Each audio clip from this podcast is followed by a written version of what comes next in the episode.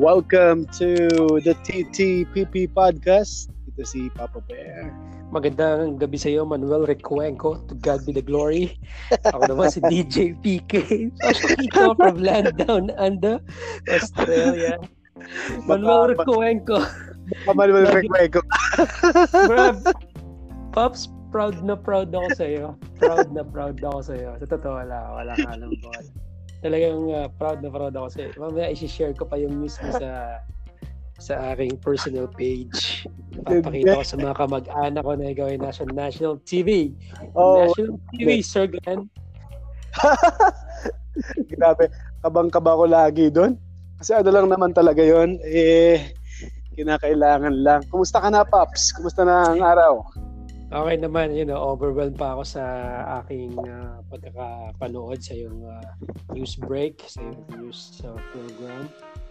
Uh, wala, wala akong maisip kundi proud na proud ako sa iyo. Okay naman ako. Sa bahay lang as usual. Uh, nag-iisip ng mga bagay-bagay na makakatulong sa ating lipunan. Iyon. Parang the, the comfort of my home, kung anong pwedeng gawin minsan talaga kapag ganito, yung mga yung nangyayari ngayon, yung bang marirealize mo kung gaano ka-importante yung nasa bahay ka, nasa pamilya ka, mm-hmm. di ba? Totoo yan. Totoo. realize nung uh, pandemic na to sa atin eh. At saka lang, Papa Bear, isa lang, speak of realization, ano, ah. isa lang ang na-realize ko dito sa pandemic na to. Uh, yung mga mga totoong bagay, alam mo pinakatotoong importanteng bagay sa buhay natin. Di ba? Yung mga, alam mo yun, na-realize, paano ba sasabihin ito? Yung, yung, nalaman natin kung ano talaga yung mga importante lang sa atin. Di ba? Yes, yung, yes. Di, wala naman talaga sa checklist ng essentials ng gimmick, luxury, ang mamahaling phone. Kasi nung nagka-lockdown na, ang binili mo naman, bigas ang binili mo, gamot. Diba? So, uh, yung basic ng buhay talaga nakita natin ulit. So, primarily family. I can't imagine being in this situation Papa kapag na walang pamilya or someone to look after you. Ewan ko na lang, di ba nakakabali. Kaya uh, I pity those people na talaga walang pamilya sa ganitong pagkakataon. At least man lang loved ones. Totoo. Uh, Nakakalungkot yun. Kaya ito, isa lang talaga ang legit ngayong panahon to. Pamilya, uh, faith sa ating Diyos. Oo, totoo yan. Kaya ano eh, yung uh, yung mga time na super busy yung mga tao, super busy tayo sa buhay, uh, oh. Oo. Marirealize mo ito pala yung ano, one month ako sa bahay. Ito pala, ganito pala kasama ang pamilya. Parang mas makikilala mo lalo Lalong iba, mga mga magulang, hindi nakilala ang mga anak nila eh. Al, hindi Tama. kilala, hindi nakilala kung uh, anong gusto, anong ayaw kasi so, sobrang busy ka lagi. So ito yung pagkakataon na uh, kilalanin mo siguro yung anak mo. Ikaw naman, uh, anak, kilalanin mo lalo yung tatay mo, bakit laging busy yung, yung mommy mo. So mga ganung bagay, mabibig makita mo yung importance ng presence ng bawat isa sa sa bahay, di ba? Another thing, Papa Bear, eh, na-realize natin na in one snap, pwedeng magbago ang mundo. Oo, so, ano man yan, at yung, ano naman yung niyayak ngayon, yaman, pera, or fame, position, pwede mawala na isang iglap. So, we need to love more, care more, we need to forgive more, wag mo nang patagalin yung mga sama ng loob sa buhay. Oo. Diba? Dahil pwedeng mawala in an instance, di ba? Oh, in minsan instance, parang ano, eh, makikita mo, minsan parang walang kwenta ang pera din kasi may pera ka. Sarado hmm. yung mga mall, sarado yung mga ang bukas lang mga essentials lang na kailangan natin. Pero yung mga alam mo yung mga ano lang, luxury hmm. lang, wala. Hmm. Para makita mo, may may panahon pala na walang kwenta ang pera kahit mayaman. Yes kahit ikaw pa ang pinakamayaman na to, yes, pwede ka makabili ng pagkain na i-store mo mm. dyan sa lalagayan mo. Pero it won't last a lifetime. Mau- yes. Mauubos yan. Ang kailangan natin, bumalik ang mundo sa dati nito lalagyan. Pero this time, mas may magpapahalaga na tayo sa ating paligid, kalusugan, sa ating kapwa-tao. That's right. Wow, what a way to start our Ba, diba? Napaka-sensitive na ng mga usapan natin. Wala naman tayo dati. Well. Dati, pa nag-intro tayo, ano, wala lang. Pero ngayon, Wala. kailangan Kasi kailangan natin maging, ano, maging ah, ah, positive tayo, maging sensical na usapan. Kasi unang-una, ang mga dati nating listener, ano eh, um, ano na sila, Mature may mga na. pamilya na yan. Mature people na rin yan. Kailangan na rin nila ng mga wisdom. Kaya yung mga bata, Pumipila na rin sa SSS yan. pumipila sa SSS. Marami na rin mga loan sa pag-ibig yan mga yan. so, yung mga bago nakikinig, welcome. Ito ang dating Talk to Papa. Ngayon, Talk to Papi na. Uh, Sa digital platform. yeah, sa digital platform naman tayo. Sabi ko, at least natupad na yung ah, pangarap ko kahit noon pa. Ano, Wow. ipapakita. Napanood lang ako sa page mo. Siyempre, Oh, ah, yung updated ka.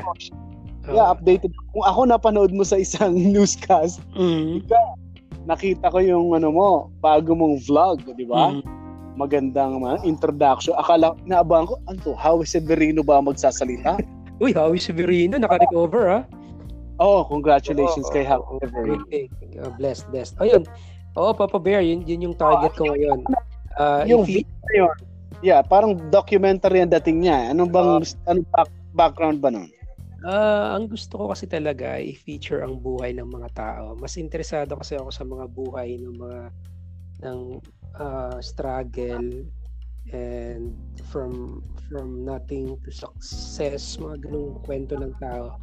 More than din sa mga typical na vlog na ginagawa ko. Actually, actually yung mga vlog na ginawa ko talaga, ano lang yun eh, para lang ma-update yung mga tao sa buhay Australia. Pero ang gusto ko talagang gawin ay yung ganito, yung feature ng buhay ng tao and ano yung makukuha mong lesson out of his life, out of his uh, struggles, o his or her struggles. Tapos yun ang palalabas mo sa kwento. So yun yung ginawa ko. So, meron akong, yung napanood mo, yun yung una pa lang yun. Marami akong Si Rhea. si Rhea. Ah, ang kwento niya ay isang, pagpunta niya rito, hindi niya alam na buntis siya. Oh my. No? Actually, yung ano lang napanood ko na yung unang part Mm. kasi pero nakita ko na yung ano, ah, yung Mm. introduction. Pero ano, ito nakafocus lang ito sa mga OFW muna. Oo, oo, sa mga buhay ng mga Pilipino. Oo, yung next ko nga, medyo, ya, ano ko na. Yung next, oh, maganda ring abangan. Dahil buhay na siya ng isang ah, Pinay na may asawang. Australian. Pero yung kwento Okay. niya ay success story. Oh, Mabait nice. asawa, meron siya magandang career chef siya. So other side Oo. naman ng spectrum, ika nga, ibang ibang mood naman siya. Pero ganun pa rin. Mga 3 minutes, Na, 4 minutes na, na up, naka-upload ba to sa ano sa Facebook and YouTube o magkahiwalay sila? Sa in-upload ko siya sa Facebook itong unang kwento pero yung mga susunod sa YouTube na lang ito send ko Wow. lalagay ko na lang yung link sa Facebook salamat pa pag panoorin mo siya so siguro tomorrow yung isang kwento hindi pa kasi Oo. send yung video So pa- yung ano, ikaw din bang editing noon? Kasi ako may mga vlogs din ako talagang hirap ako sa editing. Yung mga ginagawa mo ngayon, ikaw din ba? ako lahat editing? ako lahat, ako lahat ang ano production nun dahil wala naman tayong iba Ah, ako lang Ganun po talaga po ng mga, miski yung mga vlogger na famous ngayon sa internet, eh, sila yung ano, sila yung script, silang editor, silang videographer, Mhm. lahat. Mm, yeah, tsaka hindi ko rin talaga parang hindi ko rin nakikita yung sarili ko na iba yung nag-edit or iba yung nag-iisip. Oo nga, no? Kasi, Oo. isa kasi habang nag-edit ka, may gusto kang isingit eh. Mm, mm, Tsaka, Um, kaya ilagay ko to, yung parang wala dun sa script mo. correct. At tsaka, bini-video ko pa lang, sa isip mo, ini-edit mo na. Ah, tama, tama, tama. Diba? Diba? Kaya dapat ikaw rin ang nag-video, ikaw rin ang editor. Ah, Oo, nasa isip mo na. Kaya yung part lang, halimbawa, kasi pag gumagawa din ako ng vlog, although hindi ko malagawa araw-araw, mm, pag nag-video ako, yung part lang na talagang gusto kong ipasok para wala nang ma- kasi ang space Oo. ng ano eh video kalakas din sa ano sa memory. Gan mga ganong bagay. Kaya sa mga editor, sa mga, consider. Yeah. Ayun. sa mga sa mga nagvo-vlog din ngayon, mga gandin isipin nila para ah, yung yung ikaw na yung editor, Mhm. na i- habang video mo sarili mo kaya may kinukunan ka, Mhm. alam mo na kung saan ipapasok. Mm. Okay, Papa Bear, speaking of papasok, kanina nung uh, sinabi mo na may oras ka para makapag-record, nag-check ako ng inbox ko sa Okay. facebook.com slash DJ Papa Kiko. Si Sarah Marie Malyari ng Caloocan at ang Mm. kanyang mami, eh, nakikinig Mhm. sa atin noong 2009. Tapos Uy. nag- nag-abroad ang mami, bumalik na rito. Uy. May asawa na rin si, ah, may boyfriend na si Sarah. Oy. Uh, nakikinig siya sa atin, natutuwa siya sa ating pagbabalik and mahilig siyang makinig ng mga podcast kaya nakita niya yung Talk to Papa. Now, ito yung kanyang message. Uh, uh, hello daw sa atin, 2009, nakikinig. Ito yung problema. Sabi ni Sarah Marie Malyari ng Caloocan, Papa Kiko, Papa Bear, Talk to Papi. Anong pwedeng gawin sa boyfriend na hindi nakakaalala ngayong panahong ito? Minsan lang mangumusta pero wala namang ginagawa para magkita or at least video call man lang sana ni hindi rin nagsasend ng picture nakaka-turn off sabi ni Sarah Marie Malyari ng Caloocan tok to papi na naka, lakas maka Tok to papin na. Oo nga. Parang nang bumabalik lang yung tu- 2008 natin na simula ng program. Sobra naman yan. Wala man lang kahit picture man lang or tawag, di ba? ang hirap nun eh yun na nga lang yung means of ano lang di ba yung visual na yung para makita kayo di ba Oo. hindi man lang mag Eh, Sabi mo, ano ba naman? Sana man lang nagti-TikTok yung boyfriend mo para kahit hindi sa Oo. message eh nakita mo lang itsura niya. Ma- matagal na ba? Matagal na ata. Parang ngayon lang ba? Halos ngayon lang na lockdown. Hindi nagpaparamdam. Wala namang sinabi pero sabi niya, hindi nakakaalala ngayong panahong ito. Minsan lang Panahon? manghusta pero wala namang ginagawa para magkita or at least video call man lang nakaka-turn off. So ibig sabihin ngayong panahon to, ibig sabihin ngayong, ngayong COVID, ngayong COVID. Ah, Siyempre, hindi, ngayong COVID. hindi sila nagkikita eh, di ba? Baka naman kasi ano, baka naman kasi di makapagpa-load. Alam mo naman, mahirap lumabas, di ba? Sabagay, sabagay. Tsaka na, naubusan yung load Para- ng kapitbahay. Oo. O kaya, baka walang quarantine pass, di ba? Dapat may quarantine pass ka, ha? Pag wala kang quarantine pass, di ka makakalabas sa checkpoint sa barangay. hindi na hindi nakapangalan sa kanya, baka sa tatay niya nakapangalan. Oh, Kaya- tapos pag lumalabas si tatay, wala namang pambili ng ano, Sabagay. pambiling extra load kasi kailangan na bumili ng bigas, essentials lang. Kumbaga, hindi naman priority ngayon ang ano, ang unli call, unli text, di ba? O unahin yung unli bigas, di ba? Bigas muna, tama ka dyan. Ang bigas muna, kaya ulam, di ba? Unli tinapa. Ano ba? Oo. Oo. So, kailangan mo munang makita yung mga ganong ah, possibilities, Mhm. di ba? Ano, kasi Dexter. Ako eh, i-check mo muna yung mga social media pages niya. Baka naman active sa TikTok, sa Instagram. Ayoko. Tapos hindi man lang makapagpadala ng hello, Sarah Marie sa'yo. Oh, Doon ka, doon ka mag doon, ka talaga magparamdam, doon ka pwedeng salita. Bakit ganun? May time ka sa TikTok mo pero sa akin wala kang time. Correct. Eh, kami ng wife ko talagang kulang na lang Oh. yung CCTV namin ng isa't isa dahil sa namimiss namin ng isa't isa at wala namang ginagawa sa bahay. Kumbaga, mas marami kang Oo. oras ngayon para mag mag video call ko tulad kagabi eh, mga isang oras kong kausapin tatay ko sa video call talaga Wow, siya. ako eh Diyan, diyan ako na diyan ako naiinggit sa mga diyan ako naiinggit sa mga nakakausap lagi ang tatay, Mhm. ang nanay kasi ako pagdating sa ganyan nagiging emotional ako eh pag ay sorry pa mga sorry hindi ko may mga time It's okay. Times kasi na ano eh na hindi ko na talaga natatawagan din yung kahit nanay ko. Alam mo yung Mm, lagi nasa isip mo, busy ako, may gagawin ako, mga ganyan, Mm. paano na lang, pautot na lang para di magawa. mm, Pero ayun, natutuwa ako pag uh, nakakarinig ako ng ganyan ng mga anak, laging kausap ang tatay, ang nanay, nakakatuwa. ako Saka walang dahilan para wag mong tawagan sila. Correct. At saka, ayun nga, wala na akong dahilan ngayon para hindi ko gawin yun dahil wala kang ginagawa sa bahay, may internet ka, may internet yung bahay namin sa Quezon. Ang sa akin kasi, Bobby, yun nga, natutunan ko rin sa ibang tao na, yun, tulad mo na hindi nabigyan ng chance na mahabang ganun. So ako, isip ko, gawin ko na ngayon, di ba? Para hindi ako matulad or hindi ako wag- wala akong regrets, di ba? Pagdating ng panahon. Tsaka I know for the fact na 63 and 62 na yung parents ko eh. So, na medyo pa na correct. Ah, mga edad na medyo may ano na rin, may medyo nararamdaman na yan na Oo, mabagal lang bumaba na hagdanan yung tatay ko. Oo, Hmm. kailangan. Ah, yung parents mo ba kasama mo rin sa bahay or I mean, pumupunta ba madalas ikaw or sila? Ah, nakahiwalay ako ng bahay, may sarili akong bahay sa, sa Pilipinas. Pero Okay. yung parents ko, siguro ah, kung Lucena, dulot dulo, nasa kap- pinakadulong barangay, papunta sa kabilang dulong barangay. So magkalayo talaga. Pero ah, nakakadalaw naman dahil yung bahay ng parents ko parang yun yung nagiging ancestral eh, nagiging bahay ng buong angkan eh, di ba? So nandun kami pag Ah. weekend, yun, madalas, gusto rin nila nandun kami. Ang ganda nun. Mm, mm, mm. Ang ganda na pag weekend, nagkikita-kita yung kapatid mo, mga uncle ng anak mo, di ba, Mm, tita? Ayun. Pero ngayon, syempre, dahil nga sa limitations, eh, nalulungkot yung parents ko dahil hindi nila mapuntahan yung apo nila. Hinahanap. Doon na, doon na agagana yung mga uh, video calls na yan, di ba? Ayun nga. Ayun, anyway, si Sarah Marie Malyari, Caloocan, Oo. ang advice ko sa iyo, naiintindihan ko yung pagtatampo mo. Talaga na pagtampo yan kasi lahat na yata ng paraan para magkita kayo online, eh, isang click lang ng daliri, ano.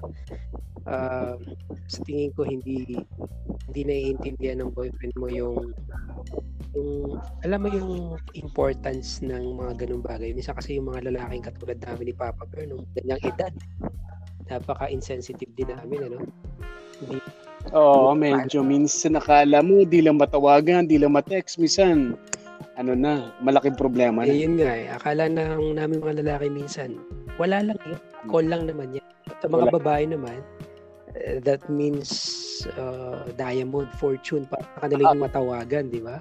Sobrang ki- kilig sa kanila yun. Sobrang malaking bagay sa kanila yan. So, I think yung boyfriend mo, she, he needs to appreciate yung mga little things na ganun.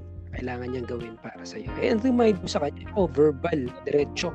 Dahil kami mga lalaki minsan, hindi namin naririnig. Akala namin wala lang. Oo, oh, lang. totoo yun. Mm. Dagdag ko doon, Mm. ano, na minsan ka tayo, kasi tayo mga lalaki, ah, minsan hindi natin alam na ah, kahit girlfriend kita, Mm. kahit asawa na kita, minsan nalalaman ko, may ayaw ka pala sa akin eh. Oo, totoo ah. Minsan nalalaman ko, tinitiis mo lang pala. Pero pwede mo namang ipaalam Paalam. na ganito. Ah, gusto ko, pwede bang kahit ano sa umaga, meron kang I love you sa akin. Oo. Ah, bago matulog, pwede bang may I love you? Although lagi kong ginagawa yung bago matulog, pag umaga, gagawin ko sa wife ko yan. Kasi, ah, ano yung tao dito, kumbaga, pag di mo masabi yan, bak may away eh. Utang eh. Sigurado may away. SOP yan eh. SOP. Tama ka dyan. So, minsan, tama yun. No? Minsan, sasabi, siguro sabihin mo sa boyfriend mo, ah, baka hindi lang alam ng boyfriend mo na yung bagay na yon na konting text, konting tawag, eh, importante sa'yo. Baka ang akala niya, okay lang sa'yo na medyo magpamiss naman tayo sa bawat isa, baka yan nasa isip niya. Kaya, So, siguro time para ipaalam mo sa kanya, tawagan mo, ikaw na mismo mag, ano, mag-reach out. pala, Ano ba namang sabihin sa kanya yan, di ba? palapasin niya na mapapabigay yung kanyang pagiging FBI. Mo yung mga babae, federal babae investigation yung mga yan eh. Palabasin mo. Magtanong Oo. ka na sa mga kaibigan. I-PM mo na yung nanay. Sumbong mo. Aba eh. Tama, tama. Siyempre, may, may girlfriend siyang tao. Nag-aalala. Unang-una, nag-aalala. Hindi mo sabihin, nag-aalala ako, baka may virus ka na. Oo, tama ano. Pero sana ano, sana kung sasabihin mo sa nanay niya, sa nanay no, ng lalaki, maganda ano, okay kayo, lig, baga legal kayo sa parents niya. Sabagay. Baka illegal eh. baka illegal yan, baka lalo magalit, Sabi, di who you? Ah, nako, nako you? hindi ko yung GM ng ano ko. Nako. mahirap, mahirap. Yan ang problema. So maganda kung eh, medyo na close mo yung parents, at least ma masabi. Yun ang maganda eh. Kung ako man magkakaanak, halimbawa, hindi ko nakapagilan ng anak ko na magrelasyon, pumasok sa ng relasyon. Gusto ko alam ko, gusto ko alam ko anong nangyayari. Para alam mong magalit ka man, kilala mo kung sinong magagalitan mo kung kailangan, di ba? Mas maganda yung alam ng parents. Tama. Ako, kausapin mo yung mga kapatid. Ah, PM, tayin mo lang. Ipaalam mo. Ngayon, kung uh, hindi maganda ang reaction niya sa mga bagay na to, sa tingin ko, hindi lang yung ginawa niya ng kailangan mong kumustahin. Kailangan siguro kumustahin mo na siya bilang isang boyfriend as ako. Baka naman ang um, ipagkukulang na yan, lang na pangungumusta at pag-online. Yan ba worth pa na hintayin? O baka hayaan mo na lang siyang makwarantin. baka baka yun ang dahilan niya. Pero minsan ano no, uh, baka naman dahil doon uh, mawalan ka na ng ganang mabuhay. Mga ganyan, may mga tao ngayon, papakiko, oh. nawawala ng ganang mabuhay. Uy, Papa Bear, masingit ko uh, lang ha. 25% oh. Ang itinaas ng suicide sa US. Oh my. Ngayon, ngayon ano, may may lockdown. May, may lockdown at ngayong tumaas ang usage ng social media at exposure sa TikTok, Instagram ng mga kabataan, mas tumaas lalo yung suicidal uh, incident, uh, incidents din lalo na sa mga young, young ones. So, tama ka tama sa sinabi mo, Huwag mawawala ng gana sa buhay. Oo, oh, kasi 'di ba? Minsan kasi alam mo mas lumala na daw 'yan mga uh, tawag diyan depression hmm. ng mga bata. May epekto kasi pala yung ano eh, yung social media. Hmm. Nag-post daw sila. Ngayon, nung pag-post nila, walang masyadong nag-like, walang nag-comment. Nadidepress na sila, gan na sila. Hindi sila, hindi sila accepted, na, nila. belong, hindi sila yeah. sa society. Oo, feeling nila single out na. Kaya itong si ano natin, taga Caloocan, Caloocan girl. Si Sarah Marie. Eh, si Sarah, o si Sarah Marie.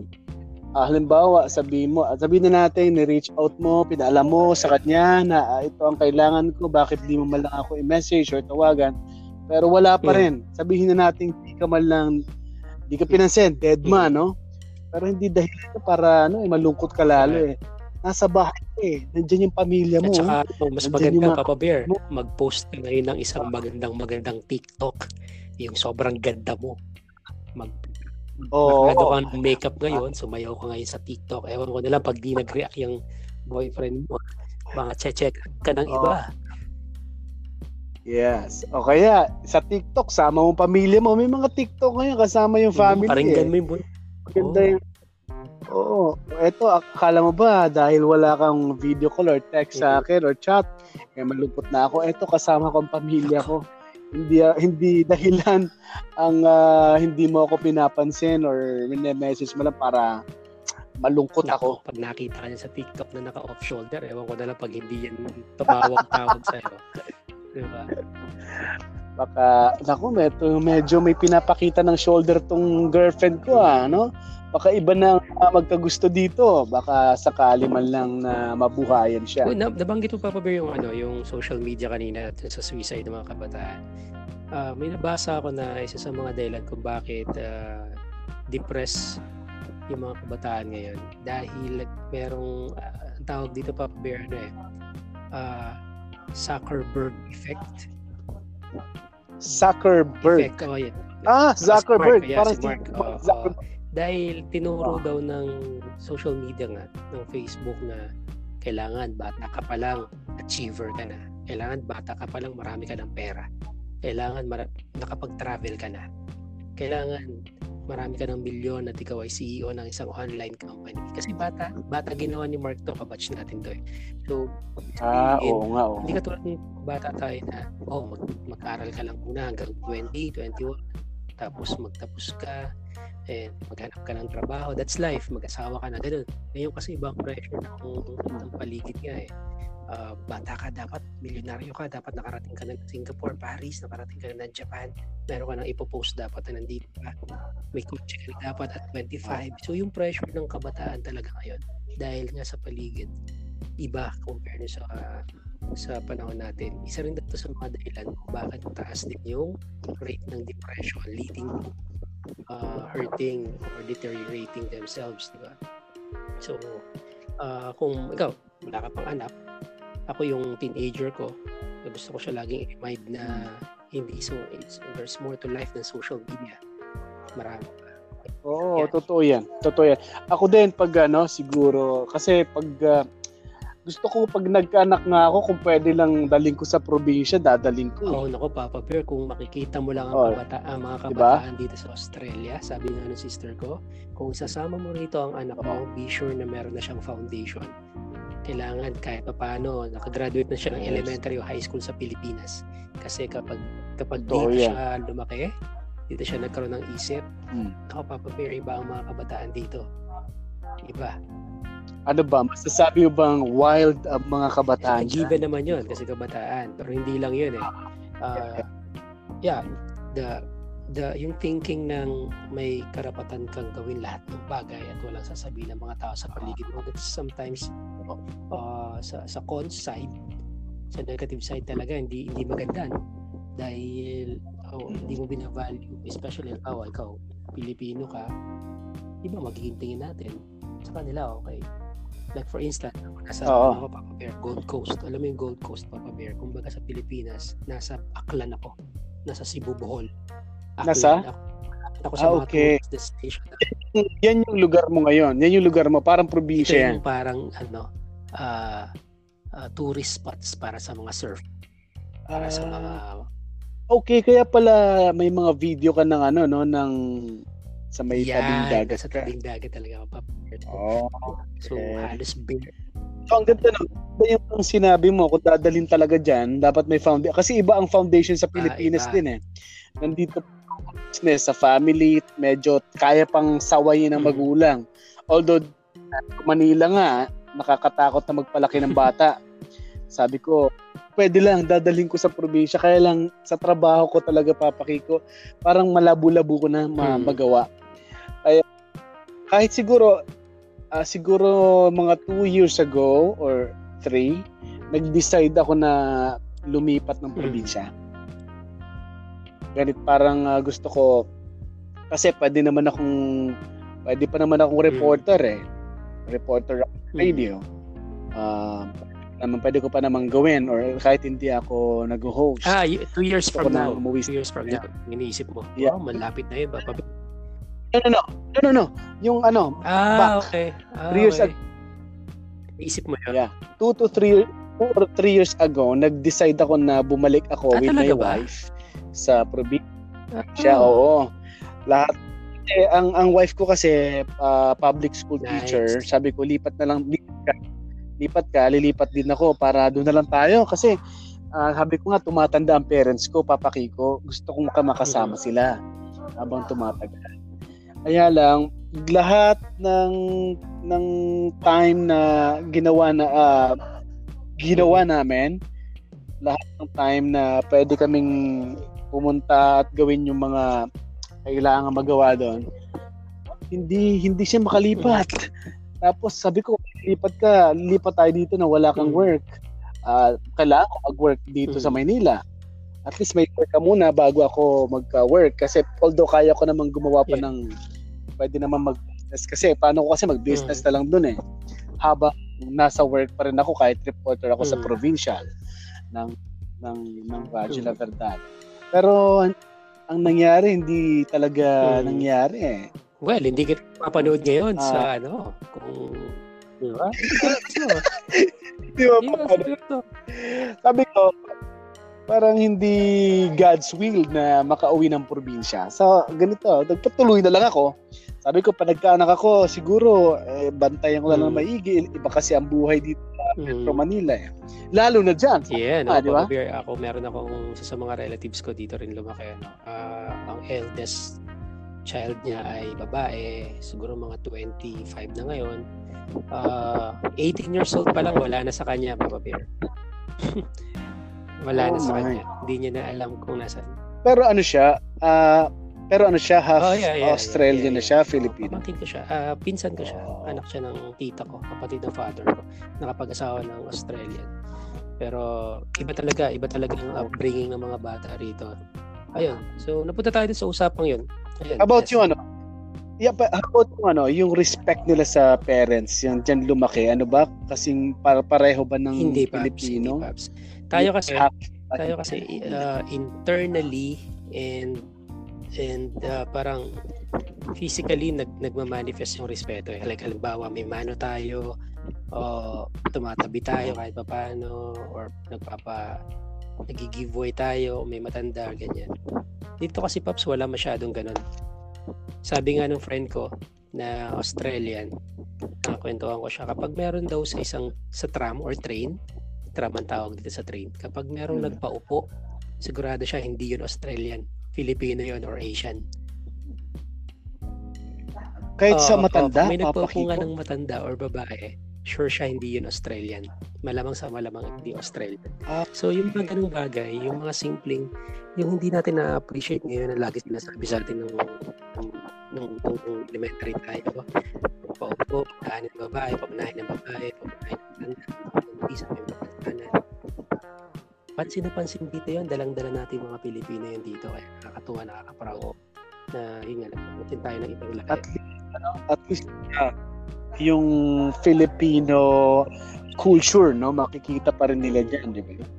Ang mga ah, sa lugar na wala masyadong respeto pala masyado. Pero when it comes sa syempre pagdating sa ah, business, okay ang ano sa work, sa career naman, ah, pantay okay pantay-pantay Ah, sila.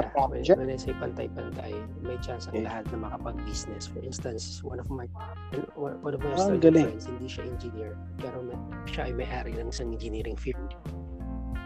Oo, hindi siya naka, wow. hanggang high school lang siya, pero naintindihan niya yung business. Nag-put up siya ng engineering firm. Ginawa niya, kumuha ng mga Oo. Filipinong engineer. hindi siya engineer. Ang galing. Ano to eh, ah, pero balita ko dyan sa Australia, hindi rin sila ganun nagbabase sa resume mo o kaya natapos Ah, mo, sa ganito. din, syempre. Mas tinitingnan nila yung engineering work, hindi May kailangan engineer, engineer, engineer ka o nurse ka kapag na Ah. medical field ka.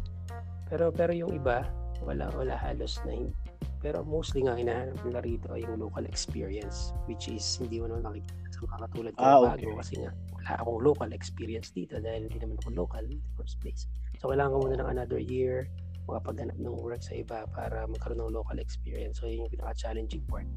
Ayun, isa sa mga kwentong ilalabas ko dun sa Okay. vlog ko ay yung mga kwento ng mga international students ng mga Filipino rito na nawala ng work. Walang pambayad ng apartment, walang pambayad ng tuition. So nakangambang umuwi or nakikiusap sa mga landlord nila ngayon na huwag mo nang singilin ng bayad sa apartment. Mga ganun. So, hindi ko na kasi Ano yan, dahil? Din, dahil nga lockdown nga ang hirap. Hindi ko sila mapilit kagad na bilisan. Pero excited na akong pakita sa mga tao yung mga challenges ng mga Pilipino pinagdadaanan dito. And mga success stories syempre. Ayun. Napunta na tayo dun dahil kay O, abangan niya sa Shara- vlog ni Shara- Kiko Sarah Bonito. Marie. Sarah Marie, hello sa nanay mo na na dati nandito lang sa Pilipinas at abroad na nakikinig pa sa atin ngayon.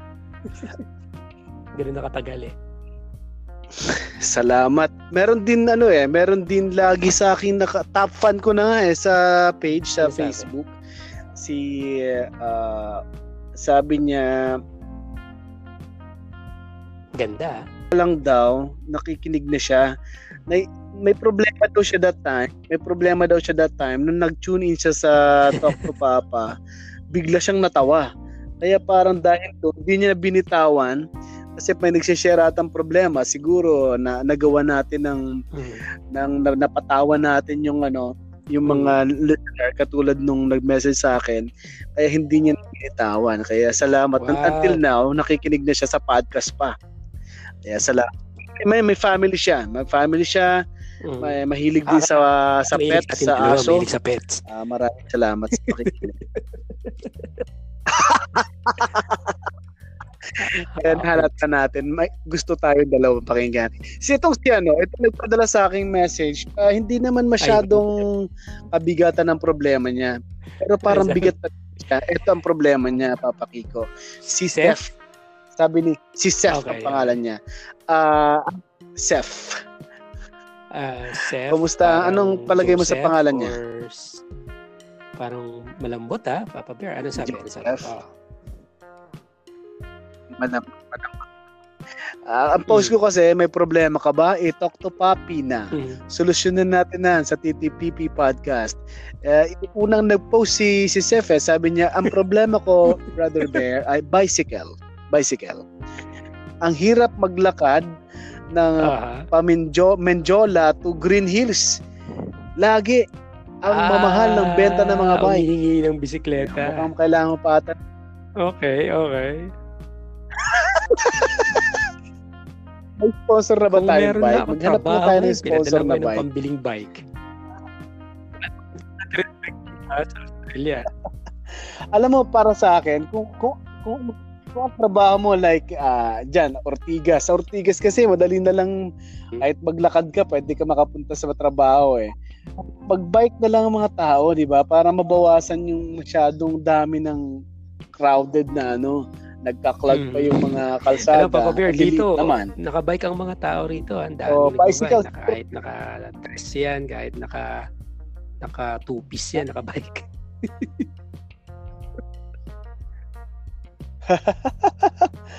O, tsaka mahilig din Ah, sa yan, ano, no, sa mga kanina, beaches. eh, tayo Yun. ang tourist capital dito. Summer capital ng Australia.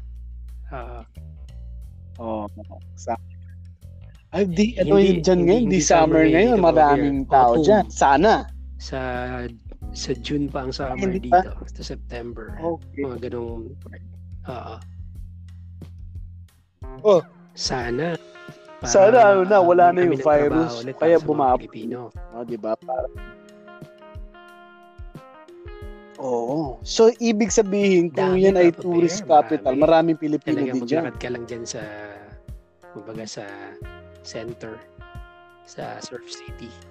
Ah, sorry, sa Oo. Surfers Paradise. Ito yung sentro ng ano, Gold Coast. Talagang puro Pilipino rin. Indian, Filipino, Brazilian. Yan ang mga nationality Oh. dito. Okay. Oo. Dami pala dyan. May marami kayong kalaban dyan ano, sa pag-apply ng work, yung mga ibang Pilipino. Indian pala taka mga Ako, dami Oo, pang Indian. May mga Chinese pa ata, iba pang Asian. Asian, Thai. Oo. Dami kaya talagang swertihan din talaga. Blessed ka lang, favored ka lang talaga pag nagka-work dito. So, uh, hopefully I find one someday. Pero okay lang. Ginagawa pa naman tayo pa bear. Yes. Abangan na Oh, abangan na abangan namin 'yan kung ano yung update po kami sa magiging work mo and tuloy mo lang yung vlog kasi malay natin, 'di ba? Tulungan tayo sa sa pag may ano, ah, minsan kasi feature din ako ng mga story sa radio. Ako naman ang fini-feature ko dun sa program ah, mga sto ah, ah, stories, success stories, ah, love story, la, ano na pati yung mga minsan pati secret Wow. Minsan may mga anak scholar ako, mga secret stories na minsan, oo, ah, ini-entertain ko pati mga anonymous scholars na minsan, Mhm. ano eh, ayaw talaga nila magpakilala. Minsan, ah, yung isa ko naging caller, ano siya eh, Oh. ah, rape victim siya Oh. Ng tatay. Ng tatay. Ganong kalungkot yung story nun. Sabi ko, sige, bahala ka. Yun. Mga ganong story. Marami. Baka may mga Marami makuha tayong itong story pwedeng din dyan. Nung, nung mga last month nga, meron kaming tinulungan ng sister ko na sinasaktan siya ng kanyang partner na Romanian.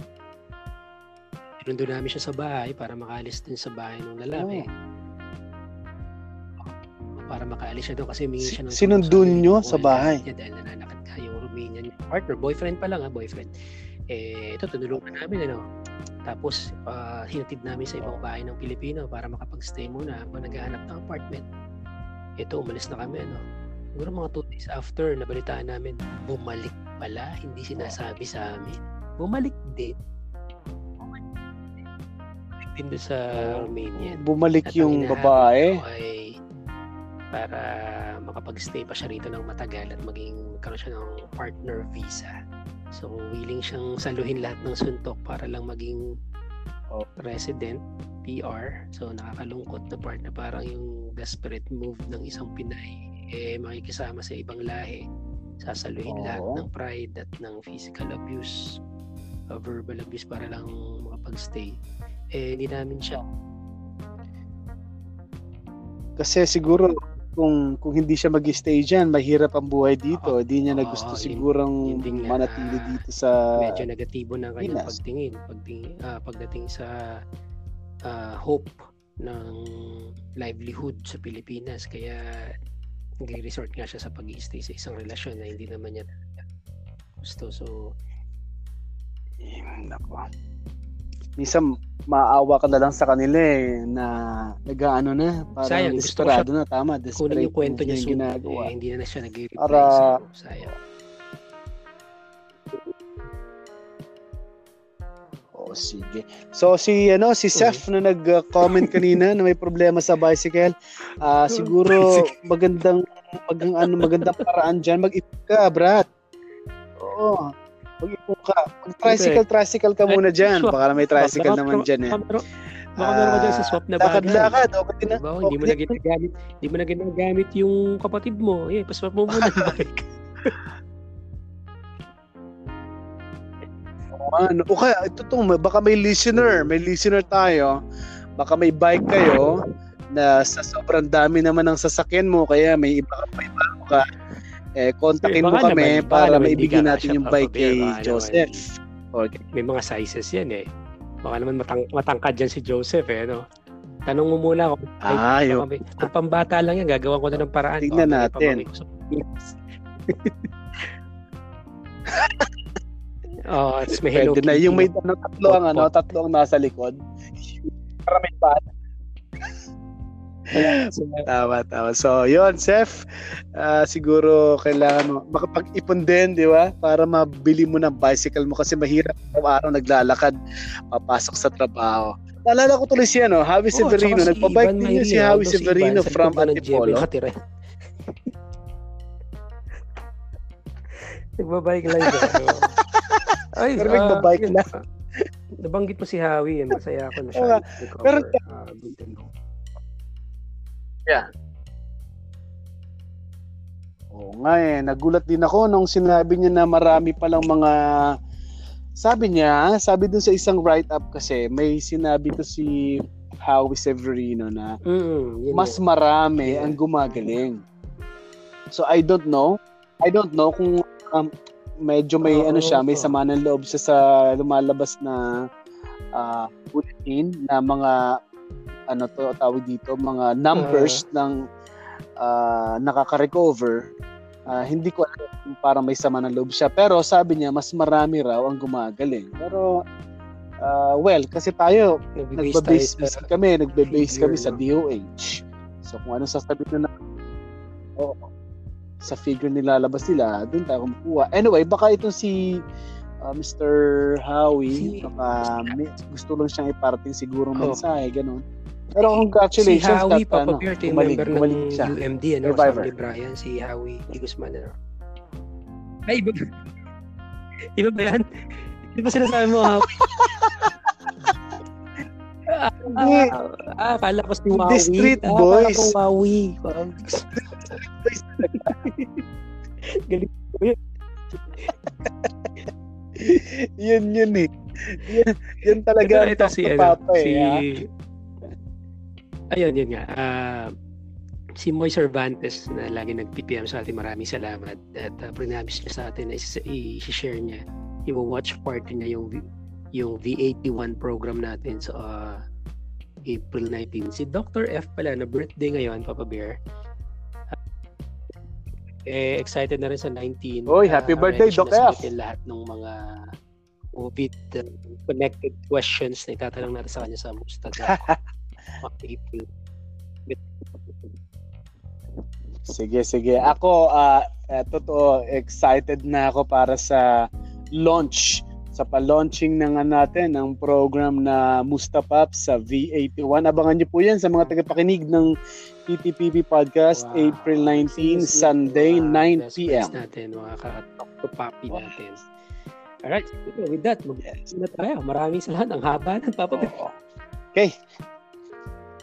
Okay. Okay. Ah, umabot tayo ng masaya. 44 minutes pero oh, masaya. Nalilipad tayo. So sa may mga Mhm. problema, parang talk to papa pa rin tayo. Pwede rin. And then, Rambo. Rambo, next episode namin, sunod dito. May mga Rambo kayo mapapakinggan kasi yung mga pinost ko, ang dami ko palang di nabasa. Sorry dun sa mga hindi nabasa, pati ni Papa Kiko. Kasi uh, maraming irarambo yung mga tagapakinig. Tinignan ko papakiko din mm. sa analytics ng Anchor app. Ang uh, may ah. pinaka nakikinig, yung may Rambo, uh, siguro na-miss naman nila masyado yung Rambo kaya uh, siguro dagdagan natin yung Rambo. Pakinggan natin ang sinasabi ng mga eh, listener. Sa sobrang tagal nila sa bahay, uh, tagal na rin nilang hindi nakakarinig ng putok.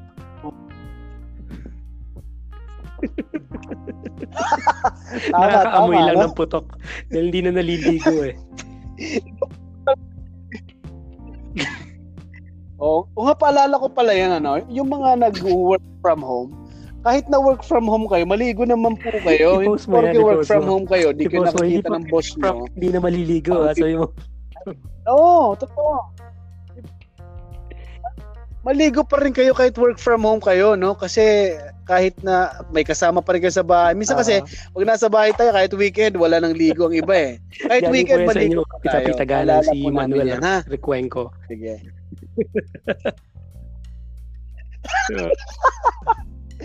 Manuel oh, Recuenco. O nga pala, uh, panoorin din nila ako, nag-anchor ako isang program. Yes, thank you Papa mm-hmm. Kiko. Ano 'yon? Every day, Monday to Friday, mm-hmm. 11:30 uh, AM to 12:30 PM.